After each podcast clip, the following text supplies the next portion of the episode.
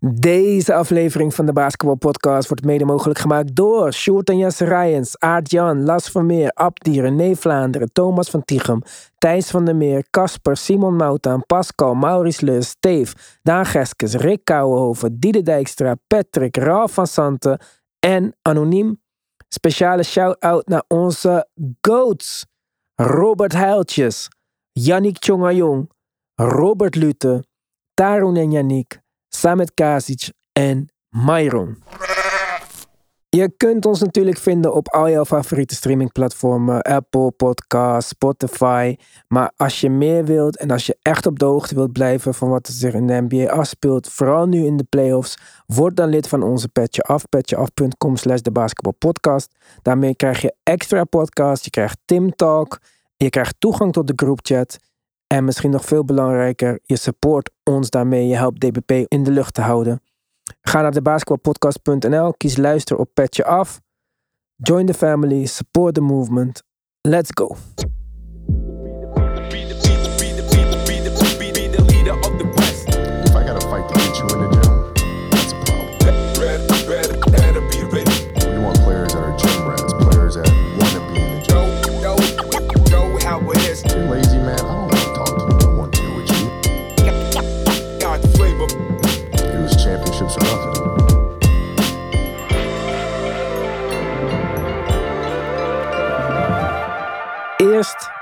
Kick je je team uit de playoffs.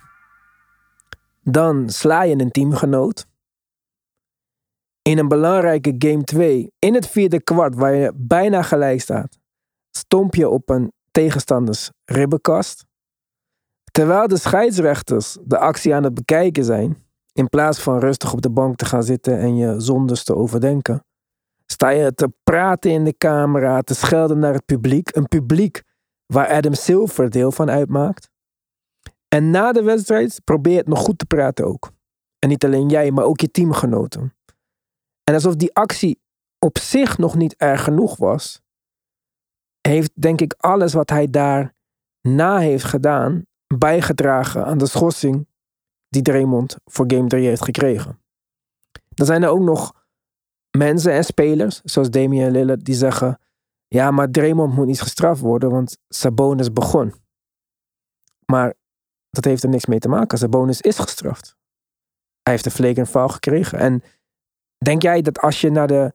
Als jij als man in de rechtszaal staat, omdat je je vrouw in elkaar hebt geslagen en je zegt: Ja, maar zij schold me uit. Zij begon. Dat de rechter dan zegt: Oh, oké.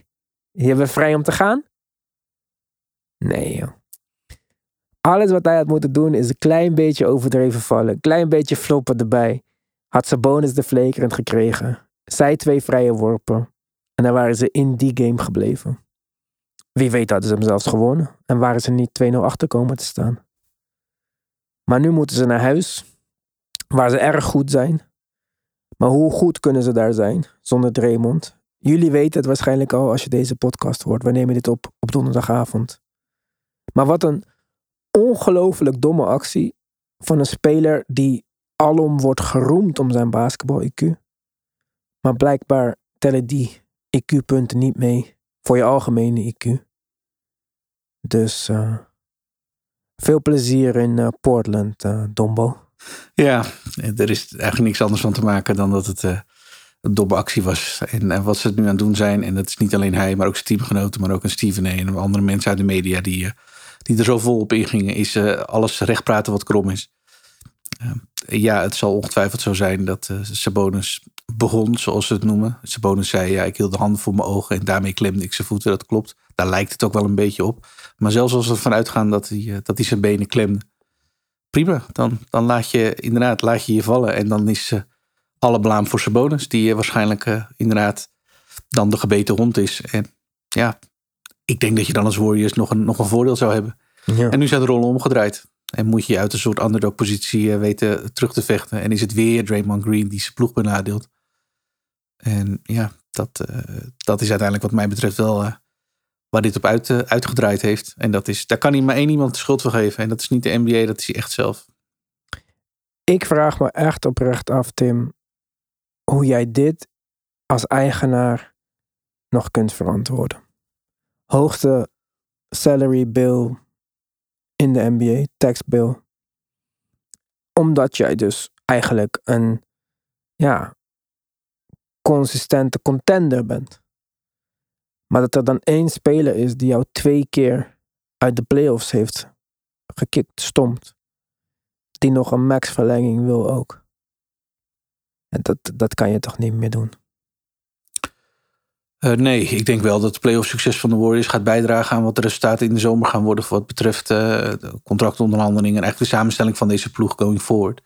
Dus uh, ervan uitgaande dat de Kings dit uit het vuur zouden weten te slepen. Ik zeg niet dat het gebeurt, maar even ervan uitgaande dat dat het resultaat van deze serie wordt.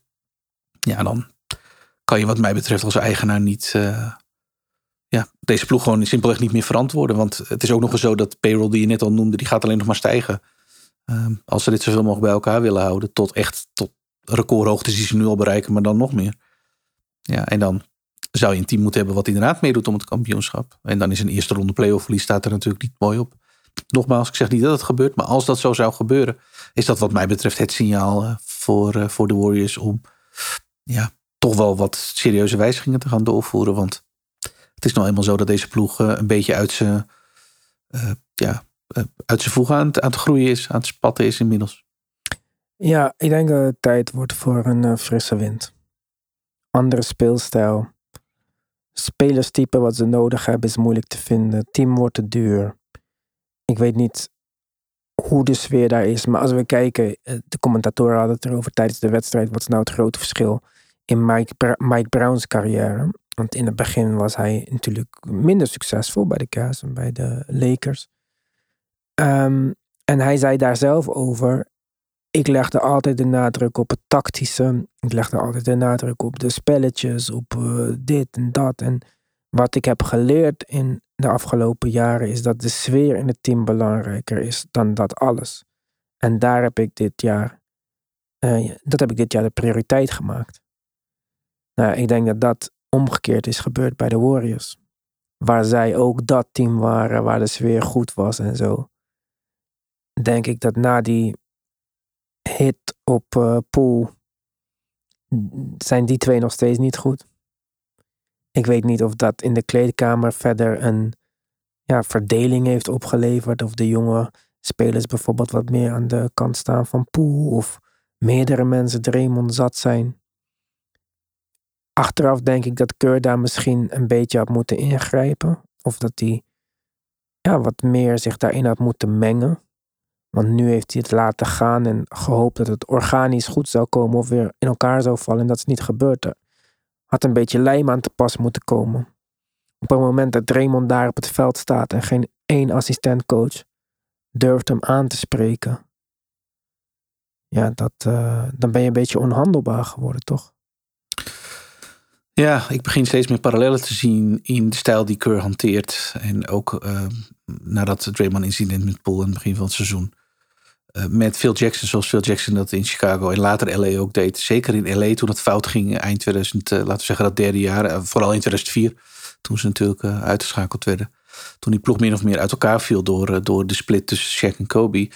En de kritiek achteraf op Phil is altijd geweest dat hij, um, ondanks dat hij briljant was aan de ene kant, hij was niet iemand die heel erg van de confrontaties was. Hij wilde dat inderdaad allemaal een beetje laten gaan. En ging ja, uit met van, een boekje hier en daar. Ja, en waar hij van uitging, en dat werkte natuurlijk voor, voor een groot deel voor de ploegen die hij had, werkte dat ook wel. Hij ging uit van de volwassenheid van zijn team. En, en deed een beroep op de volwassenheid van de speler zelf. En liet ze dat ook zelf uitzoeken. En voor een deel kan dat vaak ook. En als dat wel lukt, dan, dan, dan, kan dat, uh, dan heb je ook te maken met een, met een wat, wat mij betreft, met een heel sterke, sterke ploeg. Um, en ik heb het idee dat Keur dat soms die methode ook een beetje probeert te hanteren. Ik weet niet of Keur per se wegloopt van confrontaties, dat denk ik niet. Maar ik denk wel dat hij dat misschien als een manier ziet van ja, we hebben dit, met dit Warriors team toch een heel volwassen team. We zijn lang bij elkaar. Dit zijn een core met spelers die al alles al wel meegemaakt hebben. Ze zullen het wel, ze zullen het wel uitvinden met z'n allen. Ja. En wellicht is dat aspect een klein beetje onderschat. Um, ja, en de, we gaan het zien uiteindelijk. Maar ik, ik, uh, ik herken daar wel een beetje de, de manier die Phil Jackson toen ook, uh, toen ook uh, gebruikte. Het heeft natuurlijk resultaten opgeleverd in de afgelopen jaren. Maar ook Phil Jackson was na drie titels klaar bij eh, beide teams. Dus. Nee, niet bij beide teams. Nee. Alleen bij de Bulls. Maar in ieder geval. Ja, misschien, eh, misschien is de rekker uit. Eh, als Bob Myers weggaat van de zomer, we hebben het al eerder genoemd. Misschien wordt het dan tijd voor Steve Kerr om door te stromen naar front office. Misschien wordt het tijd voor Kenny Atkinson om die baan op de bank over te nemen. Misschien wordt het tijd om te gaan retoolen met Steph, met Kaminga, met Poole misschien. Maar zonder Draymond. En misschien zelfs ook zonder Clay. Want als we zijn opmerkingen moeten geloven dat hij wacht op een maximum contract, dan weet ik niet hoe realistisch dat ook is. Ja, ten meer als je weet wat de nieuwe CBA natuurlijk gaat doen. Die is er min of meer op gericht om die hele hoge payrolls eh, in te dammen. Met allerlei eh, maatregelen die, eh, die je dan nou ja, voor je voeten geworpen krijgt als, als ownership, als, als front office. Als je zoveel geld blijft uitgeven, zo diep in de luxury tax blijft zitten. Dat gaat serieuze consequenties hebben. Nou, daar kun je voor kiezen. Het is niet zo dat dat betekent dat je dat helemaal niet kan doen. Dus het is wel zo dat we misschien wel voorbeelden zullen zien van teams die dat blijven doen. Maar dat moeten hoe dan ook teams zijn die, die meedoen om het kampioenschap. En die hun roster min of meer uh, voor elkaar hebben. Omdat ja, wijzigingen aanbrengen en nieuw talent laten instromen. Dat is wel erg moeilijk dan hoor. Ja, denk ik ook. En we begeven ons natuurlijk op glad ijs. Want uh, de mensen weten de uitslag al voor een wedstrijd die bij ons nog niet gespeeld is. Ja. Maar wat zou je voorspelling zijn, game 3? Ik verwacht wel dat de Warriors uh, terugkomen. En of dat nu, ja. ja Zonder Draymond. Zonder Draymond ook wel, ja. Omdat ze thuis, thuis gewoon hartstikke goed zijn. En ik zie wel vaker een patroon waarin een team dat uh, met de rug tegen de muur staat en dan weer terugkomt. Zeker met de Warriors, die, waarvan het verschil voorheen, want ik vond ze eigenlijk ging voor een groot deel, uh, werd er echt wel geproduceerd in Sacramento. Maar goed, de Kings de, Kings kwamen gewoon uh, als beter uit de twee wedstrijden. Verwacht ik stiekem wel dat de Warriors uh, zullen wel ja, een bounce back geven. En dan is game 3 normaal gesproken daar altijd wel het moment voor. Hm. Ja, ik, ik hoop het. Weet je wat het is, Ivan? Als ze game 3 ook verliezen, 3-0 achter, dan is die serie hoe dan ook gespeeld. Ik denk dat er dan helemaal niemand is die daar meer aan twijfelt. Dus dan lijkt het me voor de Warriors het ultieme do-or-die wedstrijd. Deze. Ja, kijk, ik hoop het oprecht. Niet alleen omdat we veel Warrior fans in onze groupchat hebben en zo. En ik wil gewoon dat iedereen blij is. En niet uh, dat we straks Jens uh, kwijtraken zoals we Joey dan kwijtgeraakt een paar weken geleden. Aan een uh, binge weekend drinken. Maar um, ja, ik, ik, denk dat het lastig gaat worden. Volgens mij hebben de Kings twee keer verloren dit jaar bij de Warriors thuis. En met Draymond erbij had ik de Warriors zeker een goede kans gegeven. Maar ik denk wel dat het lastig wordt. En ik denk dat de Warriors, of dat de Kings ook in een, uh, in een goede swing zitten, zeg maar. Uh, dat zeker, ja. Ja, dus. Ja, ik, ik hoop het oprecht voor de serie, voor de mensen die uh, de Warriors een warm hart toedragen. Ik denk niet dat we superveel Kings-fans hebben in onze luisteraarsgroep. Dus dan, van mij mogen de Warriors winnen dan. Maar ik, eh, ik denk dat het lastig wordt. Maar we gaan het zien. Ik, ik ga het in ieder geval zien nadat je, uh, jullie dit hebben geluisterd. Dus uh, kijken. Ik, ik, hoop dat, ik, dat mijn angsten niet gegrond zijn. Goed.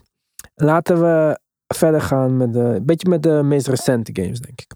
Ja, wat mij betreft beginnen we met Denver, Minnesota. Misschien niet de meest voor de hand liggende keuze. Maar nadat ik het gezien heb, denk ik wel. Want op zich wel een interessante wedstrijd. Omdat Denver het ja, uiteindelijk toch nog wel moeilijk had. Uh, zelfs in een fase leek het alsof ze het een beetje uit handen uh, gaven. Kwamen, mm Begonnen goed, kwamen ver voor. Maar uh, Minnesota kwam eigenlijk toch helemaal terug. Dus dat werd echt nog wel, nog wel een wedstrijd. Ehm, ja, Jamal Murray tegen, tegen Anthony Edwards. Wat mij betreft in de slotfase. Ik weet niet hoe jij dat vond. En ik ben vooral benieuwd naar ehm, of dat een gevalletje iets of niets is. Die Denver letdown, niet meltdown, maar wel feit dat Minnesota zo kon terugkomen in die wedstrijd? Uh, ja, ik denk iets, maar dan iets positiefs. Oh. Kijk, Denver stond 20 punten voor. Ik was aan het kijken. Ik dacht, nou, er is nog 10 minuten kijken. Voor mij dan zijn we klaar met deze wedstrijd. Want dan ja. uh, is het niet meer te doen. En uh, ik, ik spoel een klein stukje vooruit en ik zie 8 punten. Ik dacht, hè? Nou, dan moet ik maar weer gaan kijken. En hoe ze terugkwamen. Mike Malone zei het in een coach-interview. Van, ja, ze speelden gewoon geen defense. Dus hoe eh, Minnesota terugkwam bedoel ik. Wij Ja. speelden geen defense aan Mike Malone. Michael Malone, sorry. Ik weet dat hij daar erg boos om wordt. Maar, dus ik denk dat het goed was juist. Kijk, als je, over, als je er vier keer overheen loopt. En er gebeurt zoiets tegen een beter team. Dan verlies je de wedstrijd. Nu gebeurt het tegen de Timberwolves.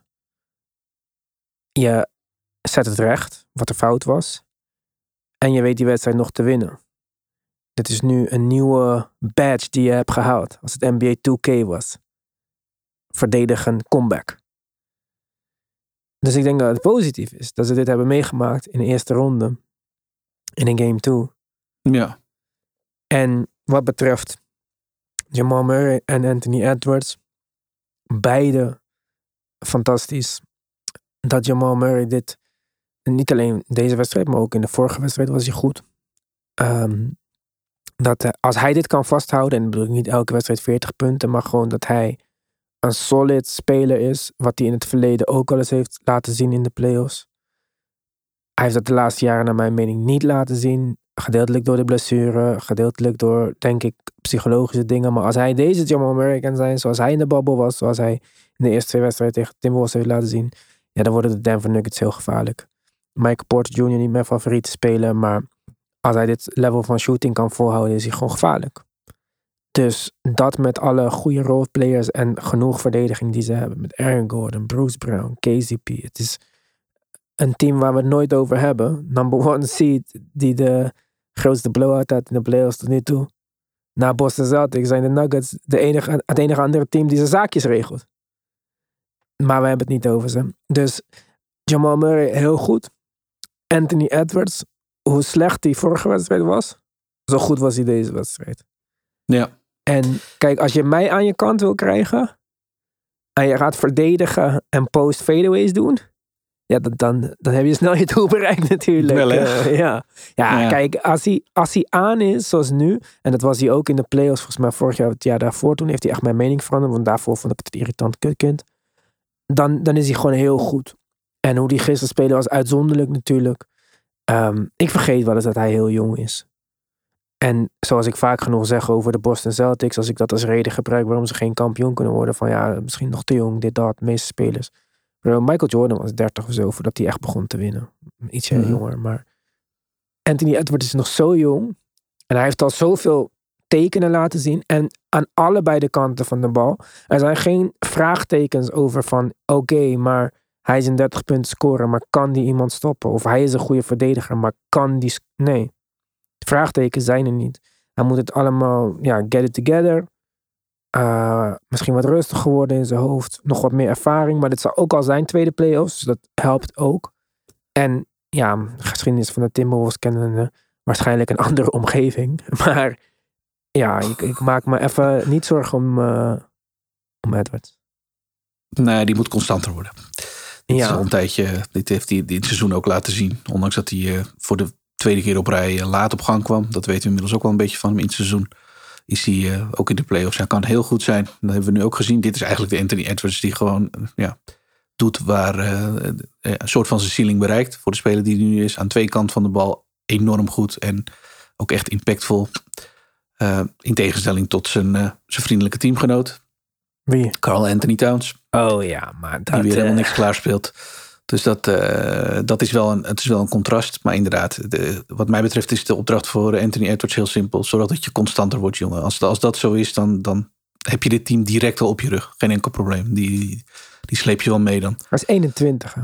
Daarom. Dus het, hoe, in, voor, hoe lang en voor hoever kun je hem dit kwalijk nemen? Aan de andere kant, ja, in Minnesota zijn ze natuurlijk wel erg hongerig op, eh, op, op één playoffs. Nou, oké, dat doel is inmiddels wel nu al twee keer bereikt. Mhm. Dus dan is de volgende stap playoff succes. Ja, daarvoor zullen ze wel eh, een, een constantere Edwards nodig hebben. Maar goed, dit, dit is weer zo'n signaal. En, en je had het over Jamal Murray. Hij begint toch wel het voorbeeld te worden. Dit hebben, we, dit hebben we al wel een keer besproken. Maar van een speler die eh, wederom zijn game een level eh, omhoog tikt als het de playoffs daar zijn. Ja, maar dit was, dit- Tim, ik snap niet waarom dit niet het algemene meest besproken ding is.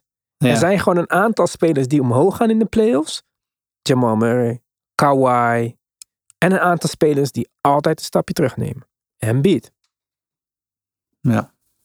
Maar we hebben het nooit hierover. Ik snap dat niet. Nee, te, te weinig. Ik, ik merkte nu wel, nu die weer 40 punten scoorde, kwamen de, de statistieken omhoog. En zie je meer, en- meer en meer mensen zich realiseren van, oh ja, maar wacht even, dit is een terugkerend fenomeen voor wat betreft Jamal Murray. Als de postseason daar is, en je ziet het nu ook aan zijn statistieken, dan, en dan klimt hij gewoon ja, omhoog. Alsof hij zoveel extra lage druk nodig heeft om, om bij zichzelf het beste naar boven te halen. Ehm, dit was zijn vijfde carrière 40 punten game in de playoffs alleen al. Nou is hij daar eh, dat, eh, voor de Nuggets in. Maar om dat even af te zetten, in zijn hele reguliere seizoen carrière heeft hij er nog maar vier gehad. Dus hij heeft meer 40 punten wedstrijden in de playoffs gehad.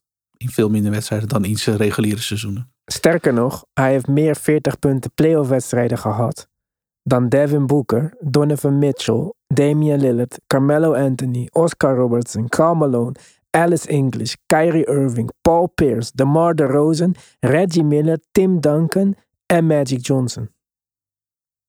Ja, het is, Dat is toch grappig. op een gegeven moment moet je dat wel gaan erkennen hoor. Van, Ja. Dit is wel een dingetje hoor. Ja, Maar ook, Ja. eh, we hadden het over risers in de playoffs. Kijk naar wat Devin Booker nu doet, man. ja bizar hè. Wij negeren hem het hele jaar als het gaat om beste shooting guard in de NBA. Donovan Mitchell maakt één transfer. Ja, beste shooting guard in de NBA. Ja. Bro, Devin Booker, man. Ja, ja eh, dat met je eens. Ja, dit ook- dat is ook wel weer een voorbeeld. Ja, wat, hij, wat hij nu alweer eh, weer laat zien, dat is. eh, en dat had ik niet per se verwacht. Niet zozeer dat ik hem onderschat. Als wel dat ik dacht dat de rol van KD veel groter zou zijn. Dus dat het niet nodig zou zijn voor, voor Booker om helemaal af te gaan in iedere wedstrijd. Ja. Booker hij is de laat zien- beste speler van de Suns. Ja, ja fair enough. Ja, ja klopt. Klopt. Had je gezien eh, trouwens toen eh, Gobert boos was na het weglopen van... eh, volgens mij had hij een looseball foul gemaakt. Klopt. Toen liep hij boos weg, pompte met zijn vuist. Ja, Dat Kyle Anderson hem ging troosten, zeg ja maar. ik zag het. Ja. Toen dacht Ja. ik, kijk hoe we dit hebben breed hebben uitgemeten. Wij ook, hè. Dus ik, ik wijs niet met de vinger of zo. Maar we meten dit allemaal zo breed uit in de media. En uiteindelijk zijn het gewoon mannen in een team. En loopt soms de, ja, lopen de gemoederen een beetje hoog op. ja, En trouwens Ja. ook over die technische fout die hij kreeg. Eh, Dat ik nou nog Rudy Gobert moet gaan zitten te verdedigen. Bro, mag je gewoon boos weglopen of niet soms? ja ik dit- weet niet wat hij hebt gezegd, maar zeg het volgende keer in het Frans als ze het niet kunnen verstaan. Maar je hoeft er niet een technische fout te gaan geven aan iemand die gewoon boos is dat hij een fout heeft gemaakt. Misschien is hij wel boos op zichzelf. Ik zag helemaal aan niks af dat hij zei: kill jouw scheidsrechter of zo. Oh nee, nee, maar als je tegenwoordig al de verkeerde kant op kijkt, dan heb je er al eentje aan je broek. Dus de, de, de- ze zijn heel erg nerveus om de sfeer in het stadion en, en, en de sfeer rondom de spelers niet te negatief. Ik weet niet. Ik weet niet wat dat. Ze zijn er zo. Wij gingen lachen vroeger toen ze zeiden tegen Allen Iverson: You're bringing down the crowd. Ja, ja, klopt, ja. Dat was een grapje. Ja, ja. Nu wordt Ja. daarop gefloten. Ja, het is, het, ik vind het, en daarmee kill je wat mij betreft de, de sport in zijn algemeenheid ook een beetje. Want ik vind dat emoties daar nou eenmaal bij horen. En Ja, als, maar- als een speler duidelijk wegloopt. Dus Ja, hij liep weg, zien. joh. Laat Ja. die jongen. Maar ja, precies. Dat hij duidelijk weet van, nou, ik, ik ga mijn emoties nu even op een andere manier uiten. Maar laat me even. En dan is het, weet je, alsjeblieft, laat dat nou toch eens een keer gaan, joh. Ja, ik snap dat ook niet. En nogmaals, ik heb niks met Rudy Gobert. Ik zou graag iets negatiefs over hem zeggen. Maar dit vond ik niet... eh, laat hem lekker, joh. Hij maakt een fout. Misschien is hij boos op die call. Misschien is hij boos op zichzelf. Whatever. Hij staat niet te sch- ik vind, ik vind, ik heb liever dat alle spelers doen wat hij deed. Dan dat alle spelers doen wat eh, Julius Randle, Luca en LeBron doen. En gewoon uh, terugrennen naar de scheidsrechter. Bah, bah, bah. Ja. Ga maar lekker wegrennen en gewoon boos zijn, joh. Fuck it. Ja, als je emoties toch moet uiten. En dat, eh, dat moet nou helemaal soms. Doe dat dan in ieder geval inderdaad. eh, nou ja, of naar jezelf of naar iets wat leeg is. Maar niet naar de scheidsrechter. Nou, dat deed hij volgens mij. Dus ja, dat is Ja. toch goed. Maar ja, Maar ehm, eh, voorspelling 4-0. ja, ik denk het wel. Hebben ze dan een voordeel? Wie? De Als ze Nuggets? kunnen, de Nuggets, als ze kunnen wachten op de volgende serie, die waarschijnlijk. hm, Ik denk niet dat ik heel erg wild ben als ik zeg dat die waarschijnlijk nog wat langer gaat duren. Nou ja, blijkbaar Tim, want we hadden drie weken voordat de playoffs begonnen niet gespeeld. En Jokic speelde half. Ik wou net zeggen, het ze team speelde ook half. Ja, en ze knalden eh, de eerste wedstrijd eroverheen. Dus blijkbaar zijn zij wel een team die houden van een rust en dan spelen. En niet een Ja. team die langzaam op gang komen, zeg maar. precies. Zoals de Ja. Grizzlies bijvoorbeeld. Maar Dus ik denk dat het zeker in hun voordeel zou zijn als zij dat eventjes, eventjes af kunnen ronden. Ja, ja dat, dat is dan. eh, het is wel een belangrijk verschil, inderdaad. Je hebt ploegen die dat. eh, voor, voor, voor je dat heel belangrijk is. En je ploegen die in het ritme van zoveel mogelijk spelen moeten kunnen blijven om het beste te presteren. En als dat niet zo is, dan moeten ze weer op gang komen in een serie. Nou, dat kan je soms één of twee wedstrijden kosten. Ja, en als dat gebeurt, dan kan het je natuurlijk zomaar een serie kosten. Dus En bij hun ligt het er ook nog aan wie de volgende tegenstander is. Want kijk, voor de Suns zou ik het eventueel nog een voordeel vinden als ze een seven game serie moeten spelen. Niet voor Chris Paul dan, maar mogelijk wel voor KD om even terug te komen in gewoon het ritme, weet je wel? we hebben veel wedstrijden nodig. Ja. En elke wedstrijd wat zij kunnen gebruiken, ja. En dan uiteindelijk moet je zo meteen wel tegen het nummer één team uit het westen. Maar bij de Clippers bijvoorbeeld, ja, ik denk dat als het aan Kawhi ligt dat hij liever minder wedstrijden speelt dan meer. ja, denk ik ook. Maar ja, Ja, dit is wel de playoffs. Hè. Dit zijn geen back-to-backs. Het is altijd met de dagen rust ertussen. Dus misschien zijn al deze teams gewoon ready to go. Ja. Eh, ja, ja. Ja, dat gaan we zien. Ik vraag me af. Ik denk dat in sommige gevallen nog wel spelers zijn die er, ja, die er wat last gaan, van gaan hebben als ook echt series langer worden. En inderdaad, je noemt een Chris Paul. Ik ben benieuwd hoe LeBron zich houdt als het serie lang wordt. LeBron is oké. AD is het probleem. Ja, ja. Ja, niet vanwege zijn leeftijd. Ja, maar ja, met hem weet je het maar nooit natuurlijk. Maar kijk naar de Bucks. Kijk, eh, er zijn zoveel spelers wel uitgevallen in de eerste ronde. Hadden we bijna Julius Randle nog aan te kunnen voegen. Zo, inderdaad, ja. Ja, maar kijk, dat, als dat eh, een blessure was geweest, dan had je Randle eruit. Beste speler van de Knicks, tussen aanhalingstekens. Eh Giannis is geblesseerd. Tyler Hero is naar de kant. Ja, het schiet best wel op zo, hè. Ja, absoluut. Ja, dat heeft gewoon impact. Dat is het Ja. ontegenzeggelijk zo. Ja. Ehm, je noemde Lakers natuurlijk al. Ja. Grizzlies, eh, ja, bounce back game noemen ze dat dan. Ik, vind tegenwoordig dat je dat, als dat gebeurt, als je de 1-0 in je openingswedstrijd verliest in eigen huis, kun je er bijna altijd de klok op gelijk zetten dat, dat, dat je game 2 alsnog pakt. Omdat, ehm, ik geloof er altijd wel in dat het, het, het visiting team, in dit geval de Lakers, zoiets hebben van ja, als wij eh, uit Memphis weg kunnen met een 1 in stand, daar teken je voor. Iedere ploeg zou daarvoor tekenen, denk ik. Eh, Ja, de Lakers, hebben, Lakers en de Knicks. eh, kijk, ze kunnen dan allebei die laatste wedstrijd verliezen. Ze hebben gedaan wat ze moesten Oh, ja. doen, waarvoor ze kwamen Precies. toch? Ze hebben Ja, een wedstrijd uitgeworden, hebben home court advantage verpest. En die wedstrijd gisteren, ik denk niet dat ze per se met die intentie aan de wedstrijd zijn begonnen. Ik vond dat ze heel goed aan de wedstrijd begonnen. de en- Lakers. Ja, Ja, en eh, kijk, Rui heeft weer 20 punten gescoord. ja, ja. Dus dat had ik helemaal niet verwacht. Ik dacht van nou, het moet nu echt van iemand anders komen. Dus dat eh, buiten ze nog steeds uit die, die zwakte in de strategie van de Grizzlies. Om hem dus blijkbaar gewoon te laten schieten.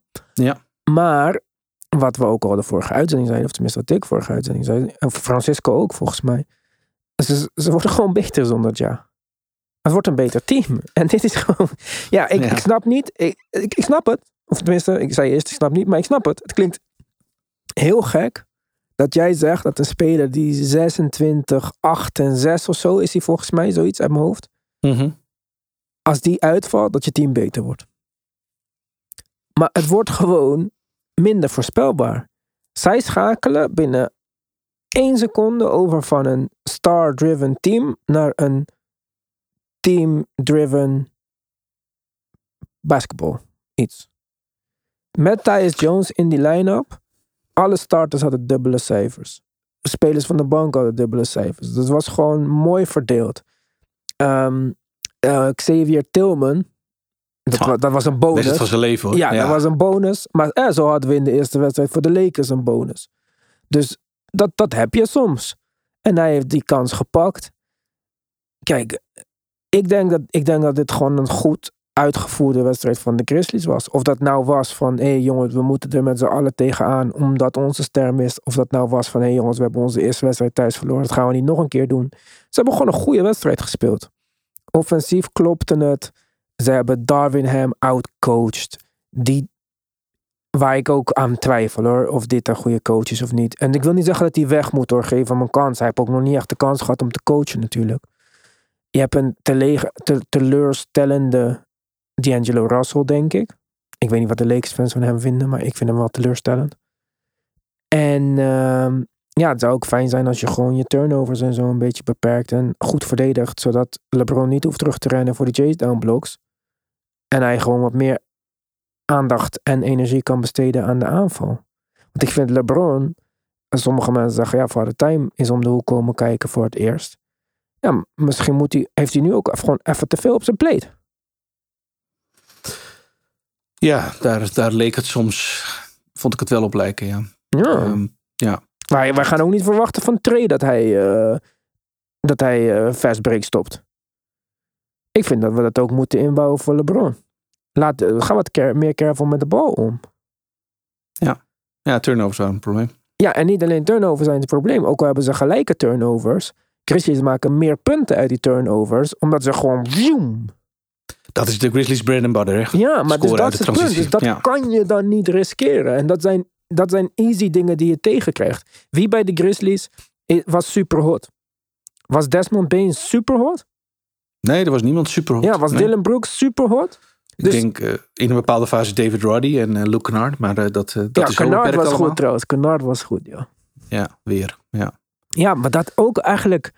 Maar dat is, dat is wel een, een duidelijke opdracht dan ook. Je, je noemt het net al. Ik denk dat je daarmee de spijker op zijn kop slaat inderdaad. Eh, Als Lakers zijnde wil je het liefst wat langzamer gaan spelen en halfcourt offense spelen. Dat kunnen de Lakers best goed. Dat is voor de Grizzlies echt een crime. Ja. Die zijn daar nog altijd, hoe lang het ook duurt, ze zijn er nog altijd niet heel erg goed in. Dus die willen het liefst rennen en vliegen. Nou, als je ze dan dus met turnovers, eh, wat de Grizzlies graag willen, eh, op hun wenken bedient. Ja, er zijn weinig, er zijn weinig teams die je kan verslaan. anders dan de Grizzlies, als je, als je er een renwedstrijd van maakt. Want dat is wat de Grizzlies het liefst doen. Daar zijn ze ook gewoon heel goed in. Ja, en kijk, met LeBron James. Kijk, ik weet niet wat het is met hem in die drie punters. Het schot ziet er niet uit. Soms gaan ze er wel in, soms niet. En nu gingen ze er niet in. Maar gelukkig raakt hij gewoon eh, heel veel van zijn normale schoten wel. Maar hij is wel gewoon een team high min 17. In 38 minuten.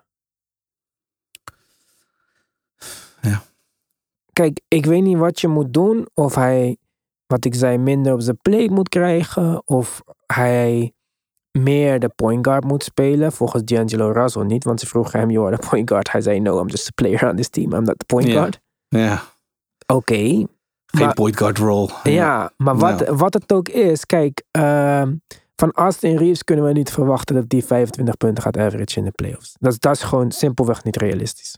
Hij kan het scoren, maar hij gaat dat niet average of zo. Ja, als D'Angelo Russell het ook niet doet en Anthony Davis draagt er 13 punten bij. Ja, als je dan wil dat LeBron doet wat hij altijd deed. Als je wil dat LeBron dat hele team op sleeptouw neemt en eh, ja, dan zou je toch eh, iets moeten verzinnen daarvoor.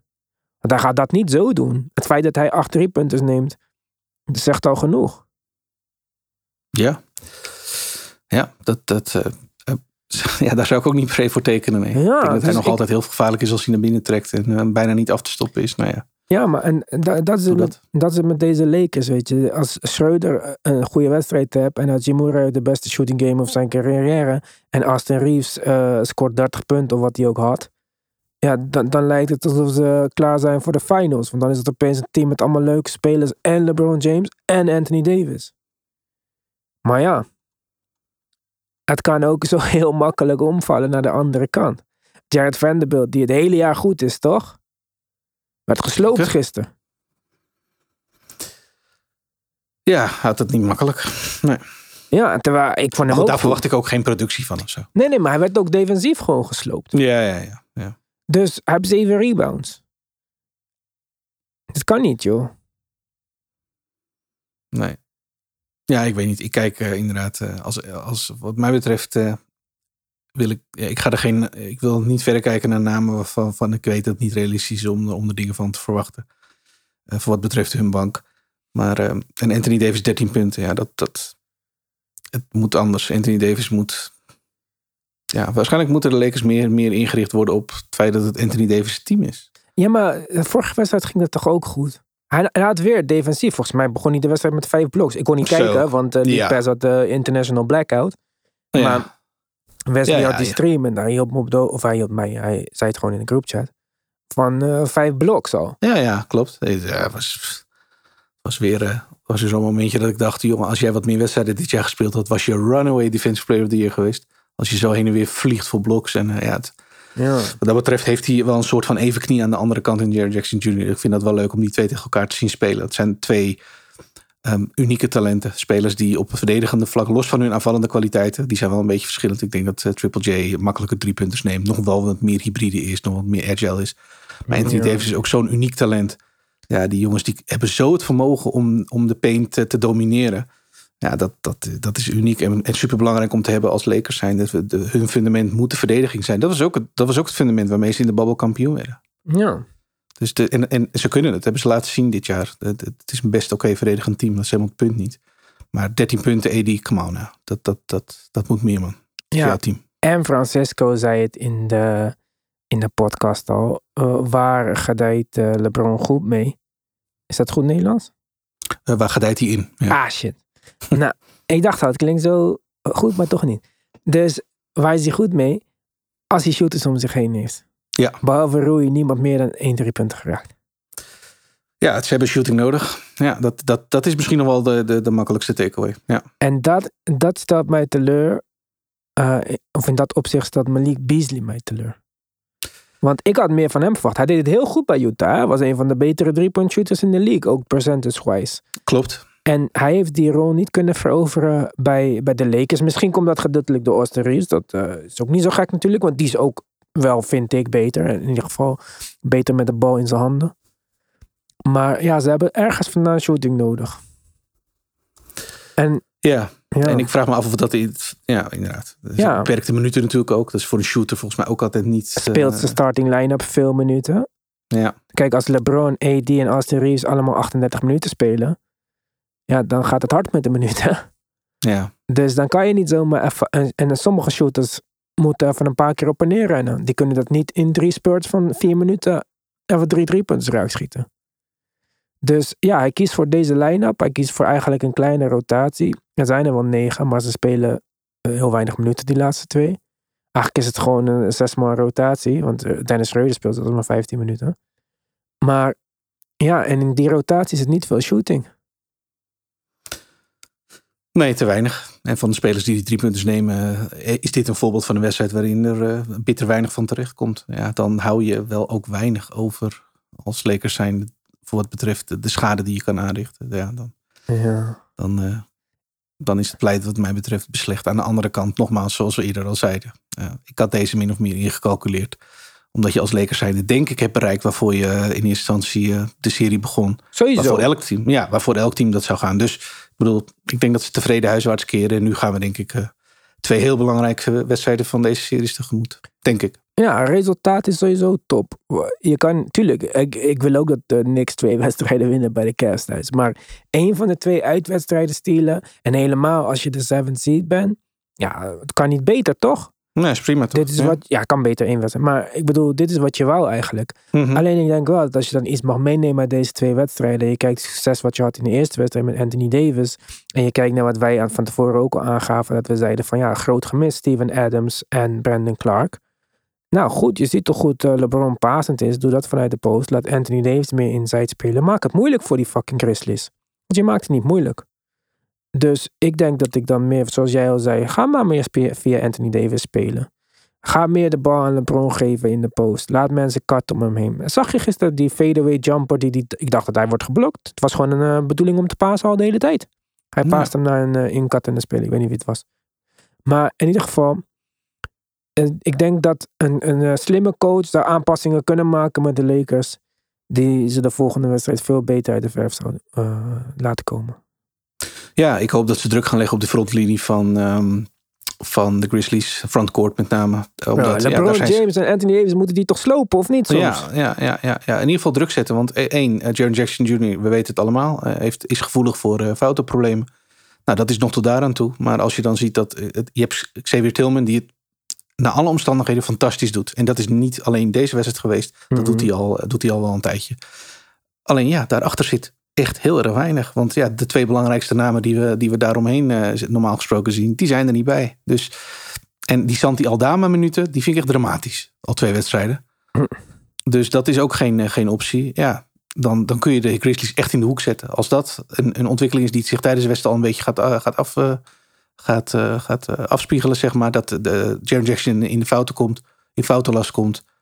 Ja, dan heb, je, dan heb je ze volgens mij waar je ze wil hebben. Ja, weet je, ik, ik zou sowieso beginnen met de starting line-up veranderen. Want Jared Vanderbilt is leuk en aardig, maar eh, die goede verdediger die die was in de regular season komt hier niet helemaal naar voren. En ik denk dat de rest van zijn minuten ook al zijn te weinig. Niet eh, perfect eh, gaan. Dus ik zou gewoon Rui starten. Bro, kijk maar hoe ver je deze kan rijden. Deze succesvolle flow waar hij in zit. Mhm. En start hem gewoon. Start Anthony Davis als center. Start LeBron als power forward. En dan heb je in theorie, want D'Angelo Russell laat het niet echt zien. Maar heb je met Nee. Austin Reeves, D'Angelo Russell en Rui drie shooters om hen heen. Ik denk dat dat, en dan als we LeBron en Anthony Davis meer eh, binnen de driepuntlijn spelen. Ik denk dat je dan druk zet op Jaren Jackson en Xavier Tillman. Ik denk dat je dan meer open opportunities krijgt. Rui heeft laten zien dat hij raak schiet. Reeves kan zelfs nog wat met de bal doen. Eh, Ik denk dat dit een no-brainer zou moeten zijn. Ja. ja, ik ben benieuwd of we, dat, eh, of we daar eh, signalen van gaan zien in, in de volgende wedstrijd. Betwijfelen. Ehm, zullen we nog even hebben over eh Knicks Cavs? Ja, tragisch. Ik, ja, ik moet wel even dan mijn Aussie aantrekken en mijn Nike's aandoen. En, eh, ik ga even terug naar de jaren negentig. Oh, sorry. Oh jeetje. Ik dacht al, waar gaat dit heen, man? Ja, ja, deze wedstrijd was wel echt... eh, ik dacht dat de eerste wedstrijd dit was, maar deze, wauw. Ja. Kijk, er wordt wel eens gesproken deze playoffs. eh ik geloof dat het moment. Nou ja, dat is misschien ook wel een beetje het verkeerde signaal. Maar in de Kings eh, Warriors series. Maar over, over de, manier waarop er gefloten wordt. En fysiek spel, ja wel niet. En hoe gaan we daarmee om? Nou, ik zou deze serie eens een beetje willen highlighten. En ik zou het niet allemaal goed willen praten. Maar ik denk dat dit wel het voorbeeld is van echt een old school Eastern Conference series. Fysiek spel, niet altijd even goed. Maar er wordt echt hard gespeeld. Ehm, met twee teams die dat ook licht, die dat ook kunnen. ja. Ja, en ik, ehm, ik zit ervan te genieten. En dat had ik echt niet verwacht, maar ik vind het echt leuk. Ja, het is. eh, en vooral die eerste avond dat we eerst deze wedstrijd hadden en dan eh, de Kings tegen de Warriors, was het contrast super groot. Super groot, ja. Ja, dat was dan weer echt kenmerkend voor de West Coast. Maar ja, dit is echt een East Coast basketbalwedstrijd. En die afgelopen wedstrijd, kijk, de eerste winnen de Knicks. Ik denk dat de, de Cavs niet klaar waren voor waar de Knicks mee kwamen, die fysicaliteit en zo. Nou, in de tweede wedstrijd hebben ze hen een koekje van eigen deeg gegeven. Want toen startte de Cavs de wedstrijd eh, ready. Eh, physical, maar niet alleen dat. Dat goede verdedigende team waar we het hele regular season over hebben gehad. Dat stond er ook opeens weer. Ze hadden dus gewoon zo. Kijk, ik kan duizend dingen opnoemen die er niks beter hadden kunnen doen. En spelers aanwijzen die beter hadden moeten spelen. En zeggen dat Jalen Brown ze nooit meer zo. Dat is allemaal leuk en aardig. Maar de Cavs hebben gewoon vet goed gespeeld. En vooral die ball denial die zij speelden op een gegeven moment. Bro, de Knicks konden geen paas maken. Mhm. Er Ja. was geen inside pass mogelijk. Randall kreeg de bal niet. Ehm, het, eh, ja, het was Dit gewoon... was, dit was verdedigend indrukwekkend ja, het de was, het was het beste... Het, dit was letterlijk de beste verdediging die ik tot nu toe heb gezien deze playoffs. Ja. Frazier zei het volgens mij ook aan uh, de broadcast. En uh, ik merkte aan hem, ik weet niet hoe jij dat ervaren hebt, maar ik merkte aan hem dat hij op bepaalde momenten echt enthousiast was. En dat had hij bijvoorbeeld over Mobley, die op een gegeven moment voor de verandering wel eens een keer goed bleef staan. Toen Randall onder de basket tot twee keer toe probeerde omhoog te gaan. Ja. Twee keer werd de bal uit zijn handen getikt. En toen daar de herhaling van op de broadcast kwam, hoorde ik dat, dat Frazier gewoon enthousiast werd van ja, deze jongen houdt nu wel uh, zijn lichaam goed uh, overeind tegen dat gebeuk van, van Randall, die eigenlijk gewoon veel sterker is. Veel sterker, ja. Ja, maar als hij dan de controle weet te houden, ja, dan kan hij Randall gewoon de bal uit zijn handen tikken. En de tweede keer deed, deed uh, Mitchell dat. En toen ging hij via Randall alsnog uit. Was gewoon was, was, was goed verdedigd. En dat was wel een beetje exemplarisch voor hoe de Cavs aan, aan het verdedigen waren. Je zei het in feite goed. Het koekje van eigen deeg kregen ze, denk ik. Want de Cavs deden het met goed fysiek, fysiek spel. Zeker op verdedigend vlak. Waren ze echt gewoon. Uh, ja, ik, ik was echt uh, enorm onder de indruk. En uh, ja, dat, man. dat belooft wel wat. En omgekeerd ook. Hè. Kijk, als zij dan terugslaan met een goede verdediging. Dan zou je allicht ook dat in ieder geval zelf in stand kunnen houden. Maar waar RJ bijvoorbeeld in die eerste wedstrijd, ondanks dat hij aanvallend heel slecht was, defensief heel goed was op Darius Garland. Ja, had Garland deze wedstrijd, ja, de wedstrijd van zijn leven, zeg maar. Ja, die kon los. Ja. ja. En het uitvallen van Okoro, die daar eigenlijk voor defensive purpose stond, ja, was misschien achteraf ook positief. Want Caris LeVert heeft uh, 39 minuten gespeeld. En die was de tweede scorer op het team. Ja, 24 punten na een hele rustige, Ja. hoe noem je dat, eh, bijna afwezige eerste wedstrijd. Groot verschil. Ja. Ja. En dan als allerlaatste, eh, wat ik al duizend keer heb gezegd.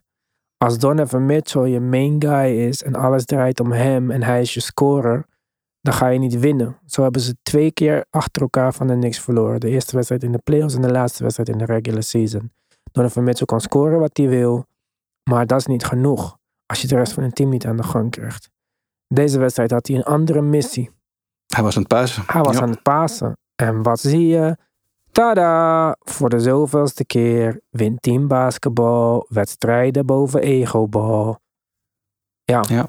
Ik, ik, Ik vraag me af of we een serie tegemoet gaan zien waarin eh, Donovan Mitchell op en af eh, dit soort eh, wedstrijden heeft. Dus eh, één weer een wedstrijd, 38 punten, waarbij de, de niks defense waarschijnlijk, oh shit, deze man is niet, niet te houden. En de volgende wedstrijd waarop je waarschijnlijk waarop je nog wel veel meer dreiging naar zich toe trekt vanuit zijn eigen actie, dat hij weer besluit te gaan pasen en, en dan misschien wel ziet dat de Cavs daar uiteindelijk veel beter van worden. Want dat zorgt over de hele linie voor dat de spelers kunnen scoren en dat de spelers ruimtes krijgen die ze anders helemaal niet hebben tegen, tegen de Knicks. Ehm, ik denk dat Donovan Mitchell de volgende wedstrijd 50 punten gaat scoren. Ja, precies. Exact. Ja. Want niet alleen dat, Donovan Mitchell houdt van, de, van MSG. ja. Dus, Je hebt niet echt eh, thuisvoordeel, hè? Nee, dus ehm, ja, lastig. Maar ehm, net als bij de Lakers, de Knicks hebben één van de twee uitwedstrijden gewonnen. Ze hebben gedaan wat ze moeten doen. Ja, absoluut. Nu verdedig je homecourt en hopelijk verdedig je dat goed. Ja. Heb jij ehm, nu na het zien van deze twee wedstrijden, die eigenlijk twee verschillende eh, smaken hadden, een, andere, een ander idee bij de uitkomst van deze series dan je had? Nee. Kijk, voor het seizoen was mijn idee heel anders dan dat dit seizoen is uitgepakt. Voordat die series begonnen, dacht ik. Iedereen had het maar Cavs, Cavs, Cavs. Dacht ik, nee, hoor, de Knicks maken zeker een kans. Mhm. Maar ik heb toen ook gezegd, ik zeg een kans. Ik zeg niet dat ze gegarandeerd gaan winnen. Ik hoop dat ze doorgaan, maar ik denk dat als jij ehm ja, toe-to-toe gaat met de, een van de vier beste teams in het oosten, dat jij aardig hebt bewezen wat jouw niveau kan zijn. Een normale franchise zou dan vanaf hier doorbouwen en eh, ja, er wat van maken, toch? Mhm. Dus dan denk ik dat ze het gewoon goed hebben gedaan. Dat dit seizoen gewoon goed is gegaan. Ik denk dat deze serie, hoe die ook uitpakt, behalve als het vanaf nu drie wedstrijden verloren wordt, ja, dan, dan zijn er weer andere aanpassingen om te maken. Maar dat zal wel iets wat teleurstellend zijn, denk ik. Ik denk als dit een 6-7 game serie wordt, wie er ook doorgaan, gaan er de volgende ronde uit. Daar blijf ik bij. Dus ja, dan denk ik dat je het gewoon goed hebt gedaan. En dan hoop ik dat er van de zomer aanpassingen komen en dat we nu eens een keertje een tijdje een leuk Nick-team krijgen. En niet één keer in de vijf jaar en dan weer vier jaar niet. Dus eh, ja, we gaan het zien. We gaan het zien wat er thuis gebeurt met Quickly. Heel belangrijk. Een van de grootste boosters van de bank de laatste tijd. Was niet goed de eerste twee wedstrijden. Nee. We gaan zien wat RJ Barrett kan. Ik vond het niet al te best. Eerste wedstrijd verdedigen nog wat leuke dingen laten zien. Maar de laatste wedstrijd was het gewoon waardeloos. En hij heeft niet een superbest seizoen. Maar hij kan wel beter dan dit. Ehm, wordt het thuis makkelijker? Dan moet ik maar zien dan. En eh, Jalen Brunson kan niet nog een keer zo slecht spelen achter elkaar. Nee. Dat kan je niet veroorloven. Nee. Nee. Ik denk dat. Ik denk dat ze game 3 winnen. Ik, eh, ik ga aan de Cavs kant zitten. Maar ik snap waar, ik snap waar je vandaan komt. Ja. En volgende week is de basketbalpodcast met alleen Ivan. Shit, ik hou niemand meer over, Tim. Waarom zijn jullie allemaal tegen mij niks, joh? Wat is dit nou? Nee, ik heb vaker gezegd eh, hoe goed ik de Cavs in potentie vind. En eh, ik was absoluut onder de indruk van ze in, eh, in deze laatste game. Ehm, En even voor de Ja, goed. duidelijkheid, niemand is uit deze podcast gegaan omdat ze tegen de niks waren. voordat iemand dat ja, denkt. letterlijk Ja. niet. ja. Nee hoor, nee, nee. Ik gun je niks eh, van harte en van alles. Want ik weet eh, hoe zwaar het soms eh, is en is geweest. Dus nou ja, dat... dat en ik zou het heel moeilijk vinden om nu al een winnaar van deze serie te voorspellen. Ik denk dat dit een typische serie is. En we hebben er nog wel een.